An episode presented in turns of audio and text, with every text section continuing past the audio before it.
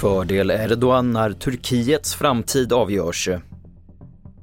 20-åring gripen. Och investeringsbedrägerier ökat med 116 procent. Det är rubrikerna i TV4 Nyheterna som fortsätter att rapportera om attackerna mot Ukraina. För Ryssland anföll i natt landet med rekordmånga drönare, det uppger Ukraina själva. De flesta riktades mot Kiev där två personer uppges ha dödats. Mer om det här på tv4.se. Vallokalerna är nu öppna i Turkiet där man idag håller en andra valomgång.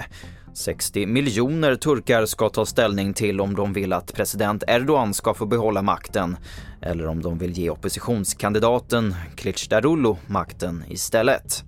I den första omgången fick Erdogan 49,5 procent av rösterna och hans rival knappt 45. Therese Kristiansson om hur det ser ut i vallokalerna i Istanbul. Ja, vi står utanför en i, i centrala delarna av Istanbul eh, och här är det många människor som strömmar hit eh, och som har röstat här redan tidig morgon. Eh, det verkar som att det finns ett fortsatt oerhört högt intresse för att gå och rösta. Förra gången var det drygt 88 procent som, som röstade eh, och man hoppas ju på att det ska bli ett lika stort valdeltagande den här gången. En man i 20-årsåldern är gripen misstänkt för att ha kört på minst två personer på en McDonalds parkering utanför Landvetter flygplats igår kväll. Polisen larmade strax innan halv tolv om händelsen och när de kom fram hade den misstänkte föraren försvunnit från platsen. Han kunde sedan gripas i sitt hem och är nu misstänkt för grov misshandel. Antalet anmälda investeringsbedrägerier har mer än fördubblats under årets första fyra månader jämfört med samma period förra året. Fram till april anmäldes 1402 investeringsbedrägerier till polisen enligt Stöldskyddsföreningen.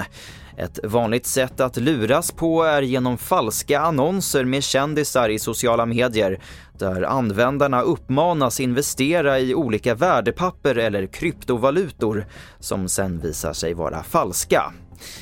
Det här var den senaste uppdateringen från TV4 Nyheterna. Fler nyheter hittar du på tv4.se och i vår app TV4 Nyheterna. Jag heter Albert Hjalmers.